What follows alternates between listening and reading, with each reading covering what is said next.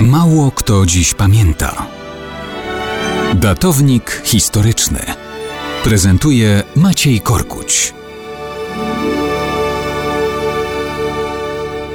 Mało kto dziś pamięta, o co Napoleonowi Bonaparte chodziło z tą ręką wsuniętą za połę płaszcza, munduru, kamizelki czy czegokolwiek innego.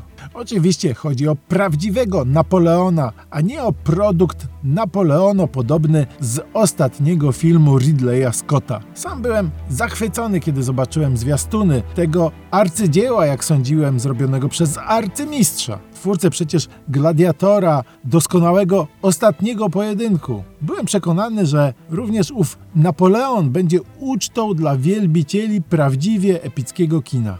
No i to był błąd. Sceny batalistyczne, oczywiście świetne, dopracowane elegancko, ale całość filmu? Niepotrzebne dłużyzny, dziwne sceny.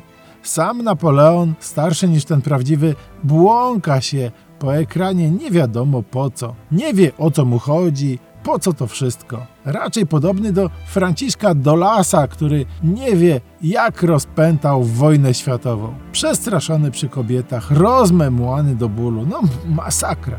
Gdyby z filmu tego wyjąć sceny z głównym bohaterem, niczego by nie stracił z fabuły, a zyskałby na dynamice obrazu. No dobra, ale co z tą ręką? No cóż, różne są teorie na ten temat we Francji. Najdziwniejsza to wytłumaczenie medyczne. Wiadomo, że Napoleon zmarł na raka żołądka, więc niektórzy sądzą, że nieustannie sobie masował brzuch, uśmierzając ból. No, teoria mocno naciągana i w gruncie rzeczy godna filmu Ridleya Scotta. Wszak nie malowano by go w tej pozie na licznych obrazach, gdyby to była kwestia masażu i zwykłego bólu. A nowotwór przecież nie towarzyszyłby mu przez kilkadziesiąt lat życia. Druga teoria jest poważniejsza.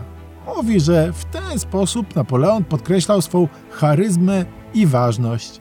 A trzecia to uzupełnia w gruncie rzeczy, tłumacząc, że tak dodatkowo prostował swą postawę, dodając jej splendoru i bardziej władczego charakteru. I to raczej jest prawdą, choć do Napoleona, błąkającego się po filmie Ridleya Scotta, kompletnie nie pasuje.